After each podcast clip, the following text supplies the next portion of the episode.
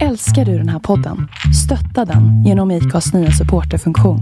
Det är helt upp till dig hur mycket du vill bidra med och det finns ingen bindningstid. Klicka på länken i poddbeskrivningen för att visa din uppskattning och stötta podden.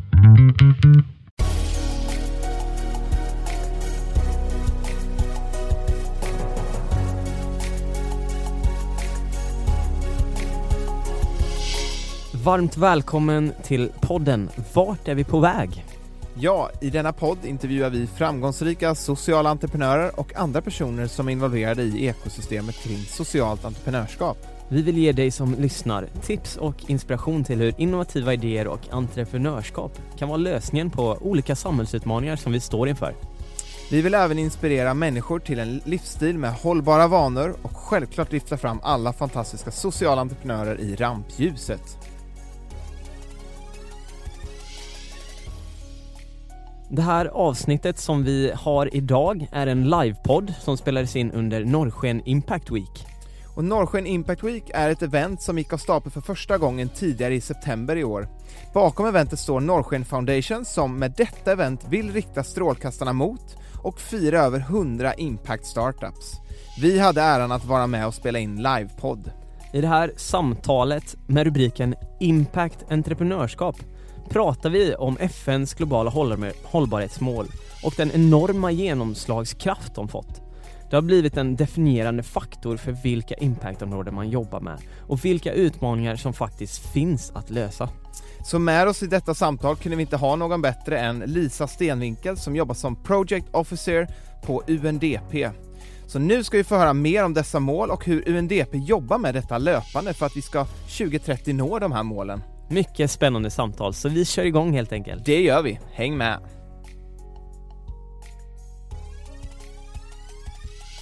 Så välkommen hit Lisa Stenvinkel. Tack så mycket, roligt att vara här. Ja, kul Ja. att ha dig här. Ja, tack.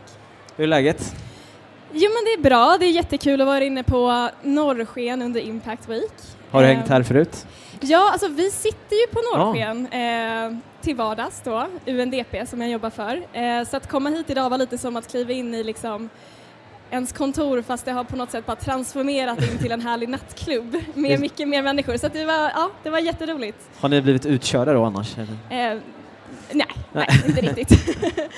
eh, så att, nej, men det är en rolig upplevelse att vara här. Ja, men eh, berätta lite om dig, var kommer du ifrån?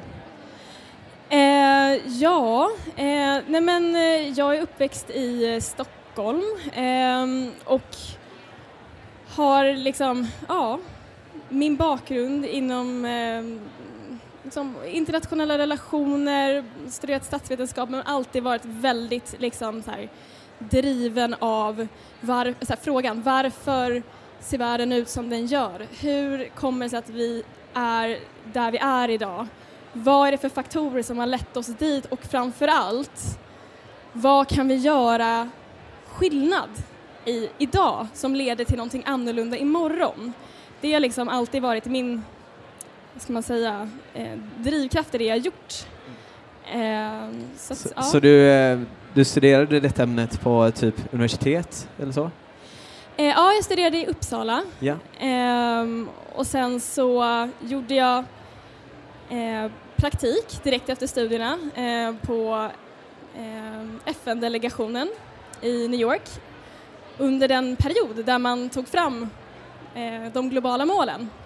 Okej, spännande. Ja, så det var liksom där jag fick höra talas om hela den här processen för första gången. Det var 2014 eh, och det var liksom enorma förhandlingar igång och mitt, min roll då som praktikant var att sitta med på bland annat då de här förhandlingarna och rapportera om dem. Så att det var liksom där mina liksom ögon öppnades för de här målen så att jag har lite så här sen dess checkat in på dem, lite som så här, man har sina liksom, passionsområden. Så här, de har alltid varit så här, hur går det egentligen?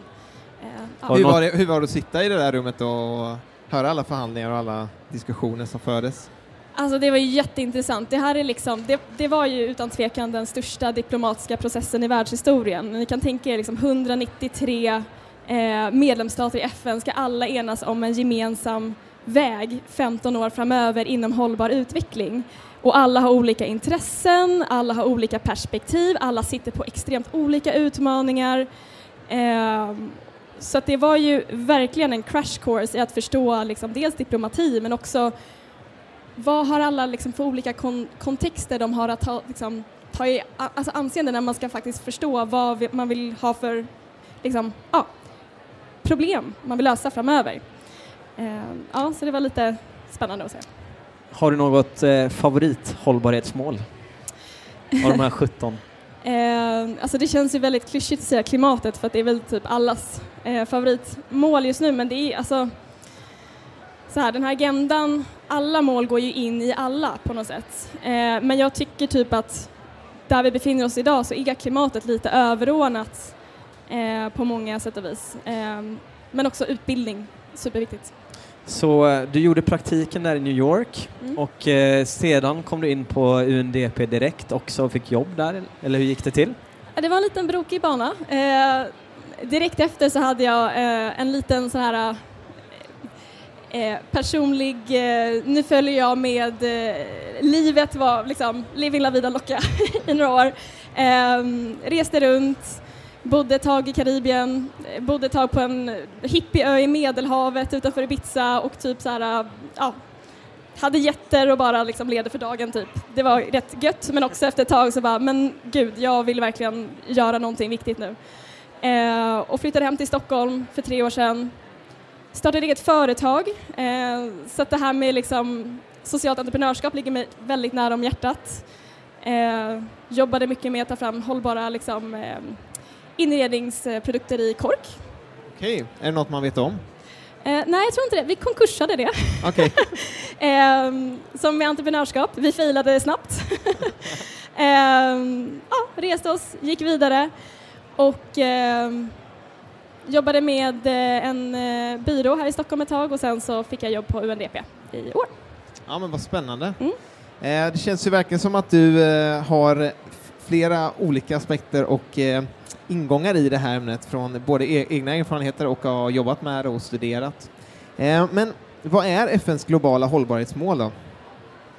Jo, för att summera det här. FNs hållbarhetsmål är 17 mål som är framtagna av, som jag nämnde tidigare, alla FNs medlemsstater tillsammans. Och det är en väldigt viktig grej att komma ihåg. För att som många kanske känner till hade vi millenniemålen innan Eh, och att de här då, globala målen tar vid där millenniemålen slutade. Och en väldigt stor skillnad mellan dem det är just sättet att de, de är framtagna på. Millenniemålen presenterades liksom inifrån FN utåt.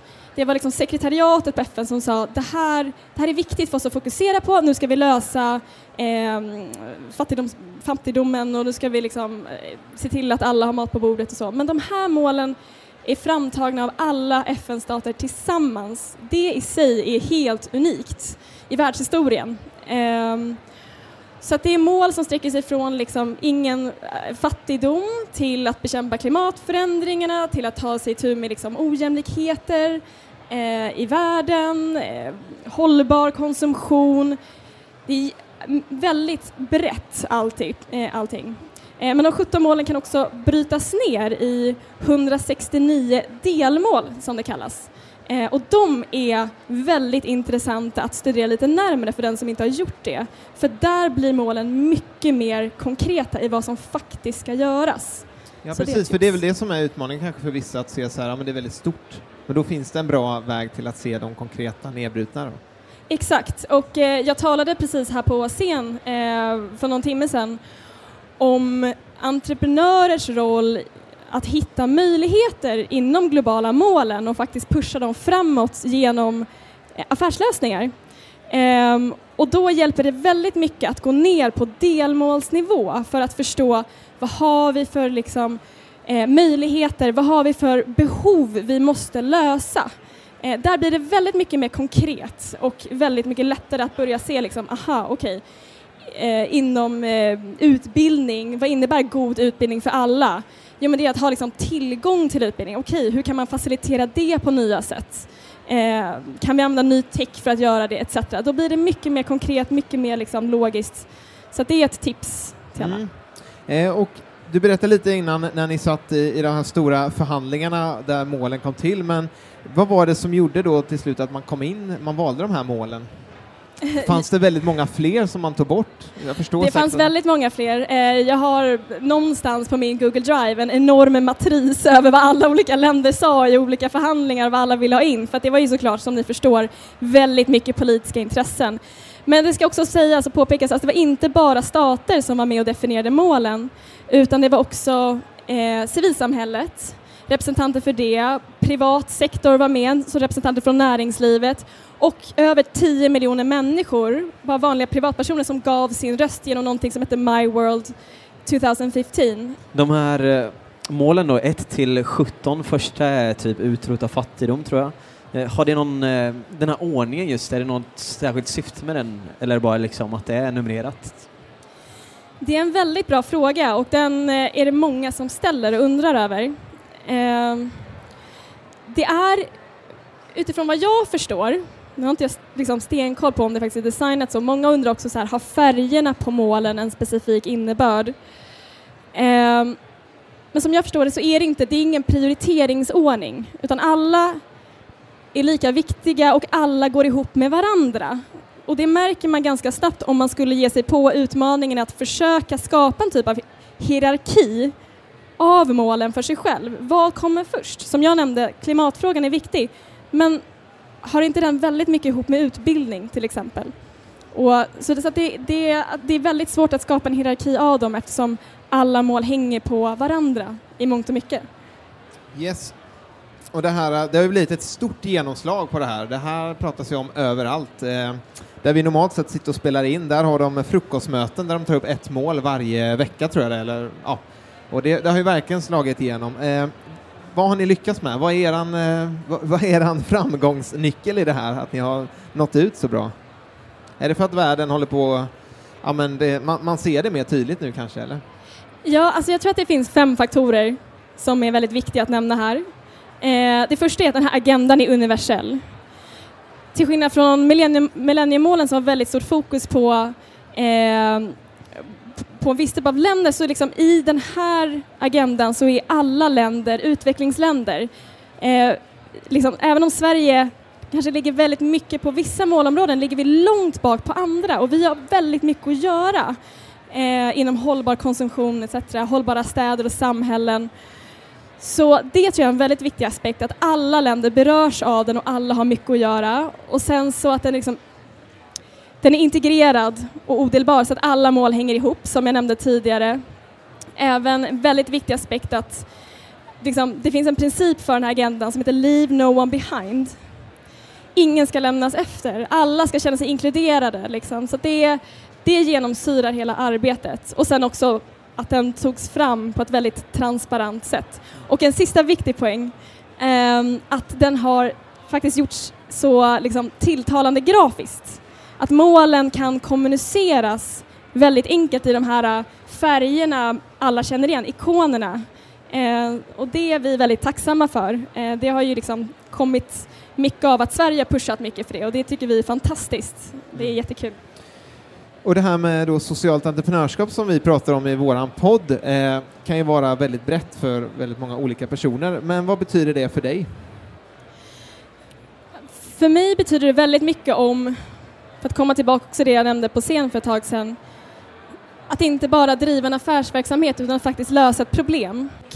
Impact Week här är väl liksom ett väldigt bra exempel på det att business kommer skifta från att vara liksom att generera business för business skull till att vara en drivkraft för positiv förändring.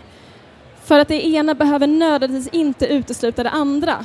Ehm, och bara inom alltså, globala målen och Agenda 2030 så upp, liksom, uppskattar man att det finns upp till så här, 12 biljarder dollar i marknadsmöjligheter för de företag som är intresserade av att gå in i den eller investera i den. Så att det är liksom, det är verkligen, ja, business och, eh, och social förändring eh, sammanlagt. Mm.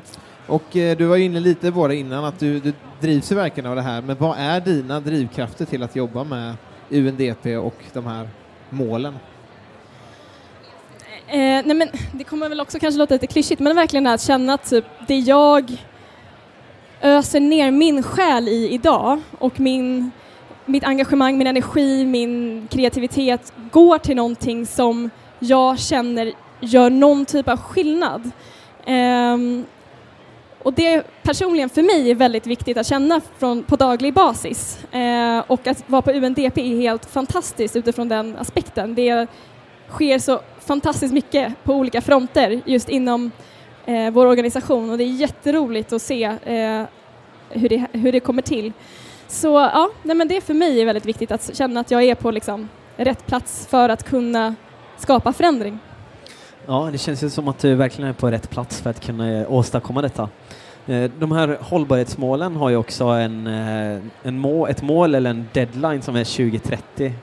Och eh, hur ser du på möjligheterna att kunna uppnå många utav de här? Ja, det är en jättebra fråga. Det är ju tio år kvar till 2030 och tiden är knapp. Vi har haft de här målen nu i fem år och ska liksom inte hymla med att det behövs göras mycket, mycket, mycket mer. Det behövs mycket mer engagemang, eh, mycket fler delar av samhället behöver engagera sig, inte minst privat sektor, vilket är varför vi är här idag och pratar och vill inspirera. Eh, men jag tror också att olika aktörer behöver samarbeta på ett nytt sätt. För det finns frågor inom den här agendan som verkligen ligger långt efter och där det inte görs tillräckligt mycket, medan andra och kanske då de mer sociala delarna har det skett stor förändring inom till exempel jämställdhet eh, etc. Men som ni själv, själva kanske förstår, klimatet, det, det går bakåt. Eh, och nästa vecka, här i liksom slutet av september, så är det ett stort möte i New York med eh, världens ledare som är till för att liksom, skapa nytt momentum eh, och bygga liksom, nytt engagemang och commitment till att uppnå målen. Och vi hoppas väldigt mycket på att det kommer mycket ut från det mötet för att det är liksom, det går inte att sitta och vänta. Eh, och vi är ju så otroligt inspirerade av, som alla andra, Greta såklart, för att det är bara så här, det, det, går inte att, att vänta nu, vi måste göra mer. Det här med Sveriges roll i att uppnå målen, du säger att Sverige är ganska drivande, men hur står vi oss mot andra länder? Alltså, vi ligger ju väldigt bra till på områden som jämställdhet till exempel, även om vi inte såklart lever i ett helt jämställt samhälle, tyvärr, ehm, så ligger vi långt framme på många områden. Och det sker mycket spännande. Sverige har en väldigt levande eh, startup-scen, mycket eh, initiativ kommer därifrån, vi har ett väldigt engagerat Eh, Eh, engagerade liksom riksdagsmän och politiker och en väldigt engagerad regering, vilket är helt fantastiskt. Um, så att viljan finns där. Vi upplever också när vi pratar med näringslivet i stort, de stora företagen. Viljan finns där, intresset finns. Det är så många som vill göra mycket och mer. Um, så att Sverige ligger absolut bra till vi behöver bli lite bättre på att göra det vi kan för att bidra till det här. Ehm, vi driver hemsidan globalamålen.se där det finns mängder av inspirationsdelar och information om hur man kan engagera sig och bidra och så vidare. Men ja, och, och Sverige generellt, vi hoppas att Sverige kan visa lite vägen för resten av världen, hur Eh, man kan ta sig an Agenda 2030 och de globala målen och röra sig framåt och visa, eh, visa på framgång, visa på liksom, bra exempel och så vidare. Vad är de största utmaningar som du tror vi kommer stå inför eh, om vi blickar framåt tio år? Det är något vi brukar göra i den här podden, att ta det perspektivet. Ja, alltså tio år är en väldigt eh, bra punkt att förhålla sig till eftersom då är vi 20 29. Ehm, vi kommer snart ticka in på 2030 där vi ska då ha uppnått alla de här ambitiösa målområdena. Ehm, och där såklart ligger ju liksom klimatet ehm, som någonting som verkligen är som en stor ödesfråga inför framtiden. Kommer världens ledare kunna enas kring liksom, vad, hur ska vi lösa det här? Eh, vi alla står liksom, inför. Kan vi, kan vi samarbeta kring frågan vad, vad kan vi göra idag som ger stor skillnad om tio år? Så att absolut är klimatet en väldigt liksom, stor ödesfråga.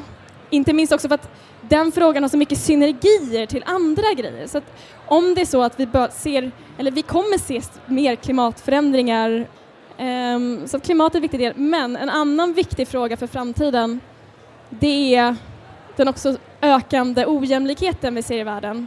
Det ö, liksom ökade gapet mellan vem som äger resurser och ekonomisk liksom, makt och vilka som inte gör det. Så det är också en jätteviktig fråga att ta itu med. Ja, men intressant. Ehm, det är en svår fråga att svara på minsann och veta vart vi är om tio år. Ehm, men någonting som vi vet i alla fall det är att ni kommer göra en avstämning om elva år eh, förmodligen och se hur det har gått med de här målen.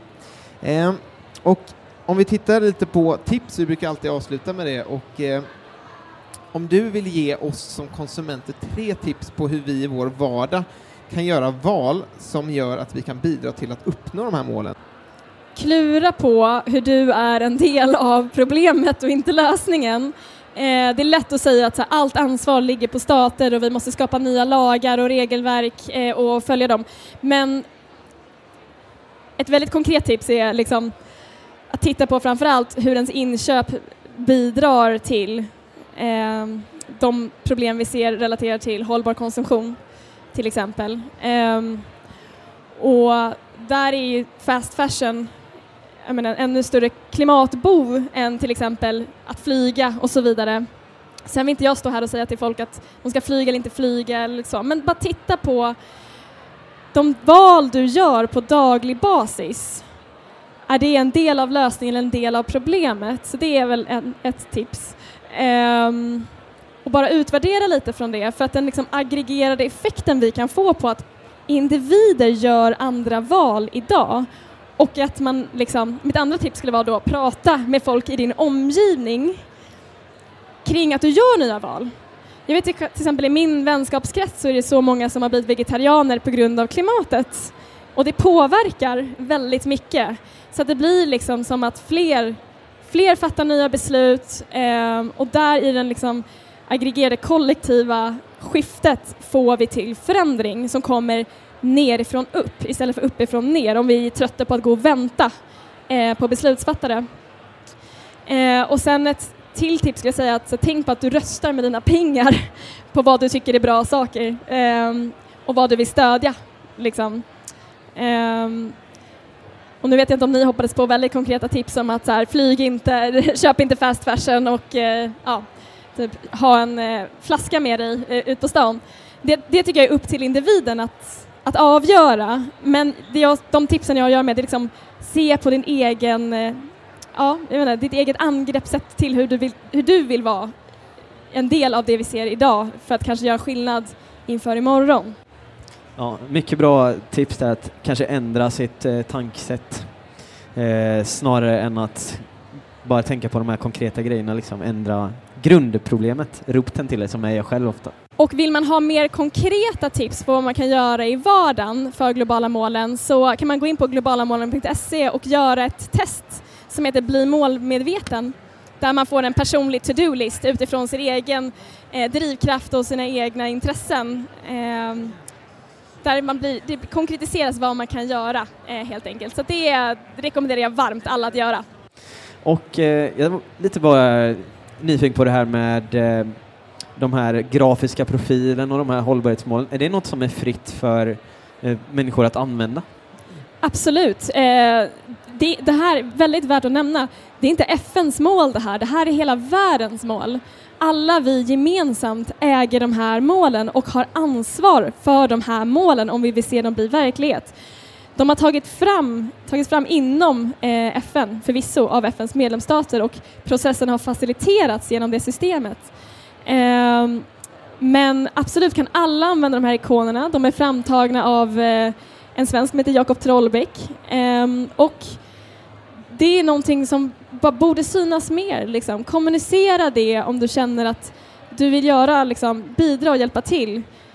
Se vad du kan använda i liksom, det materialet. Allt finns på globalamålen.se, alla ikoner, delikoner, eh, loggor, allting. Så det finns tillgängligt för alla att ladda ner på hemsidan. tack så jättemycket eh, och att vi har fått ha med dig här idag. Vi har verkligen fått lära oss jättemycket och, och få mer in, insyn i det här med de här hållbarhetsmålen, vad det egentligen är. Alla pratar om det, många startar företag utifrån dem, eh, men kul att ha en expert från som har varit med faktiskt i, i beslutanderummet, får man väl ändå säga. Eh, så vi önskar all lycka till framöver. Tack Stort för att du var med. Ja, tack, så så jättemycket. mycket. Tack så mycket för att du har lyssnat på dagens avsnitt. Glöm inte bort att följ oss i sociala medier. Vi finns på Facebook, Instagram och LinkedIn och även vår hemsida vartarvipavag.org. Och om du har möjlighet får du jättegärna gå in och ratea våran podd på iTunes. Yes, och för dig som vill ta del av podden ytterligare så tycker jag att du ska gå in och signa upp dig för vårt nyhetsbrev där du varje vecka får en liten kort resumé av avsnittet men också de bästa tipsen och de bästa insikterna från gästen som vi har haft med oss. Eh, så om du har varit ute på språng och inte haft möjlighet att anteckna något så gör det ingenting utan du får det på ett mail veckovis. En riktigt bra deal helt enkelt. Så se till att signa upp dig så fort som möjligt så ses vi nästa vecka igen.